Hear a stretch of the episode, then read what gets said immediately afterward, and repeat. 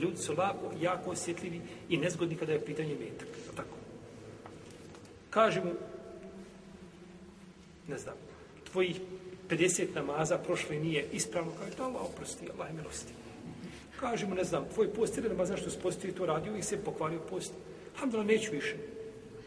A kaže mu, uzeo ti je sin 50 maraka, jel brat više nego što mu treba, kaže, u redu. Jel tako jest? Završeno. Tako. Ljudi će, ljudi ovaj, čuda čine za, za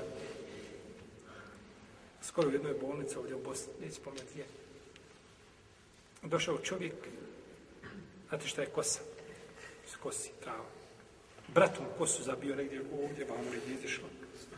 Radi negdje nešto međa, ne međa, metar, dva, tri.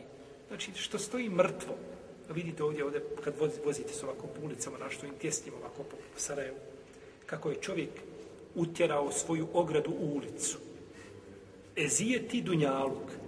Kogod da prođe tuda, da ga samo pogleda poprijek ovako ispod oka, to mu je na sudnjem danu dovoljno. To je negodovanje. Tako negodovanje i uznemiravaš muslimana, ne mogu proći. On je nekakav mrtvi kut sebi napravio, ni njegovo pravo, on će se nikada toga koristiti neće.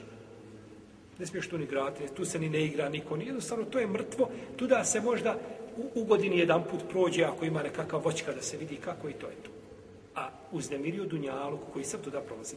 A da si to skinuo odatle, radi Allaha za ođel, nije daleko kazati na sudnjem danu da, da ćeš ući u džene zbog toga. Ako se Allah smiluje. Tako? Pa za nije žena ušla u džene zato što je pseto napojila. Pseto napojila. Ti si Allahu robe omogućio Benu Ademu, vjerniku, kad ide u džame, prolaze ljudi, ne moraju drugima svirati, ne moraju tu sudari se dešavati. Svakakvi belaje ne dađe.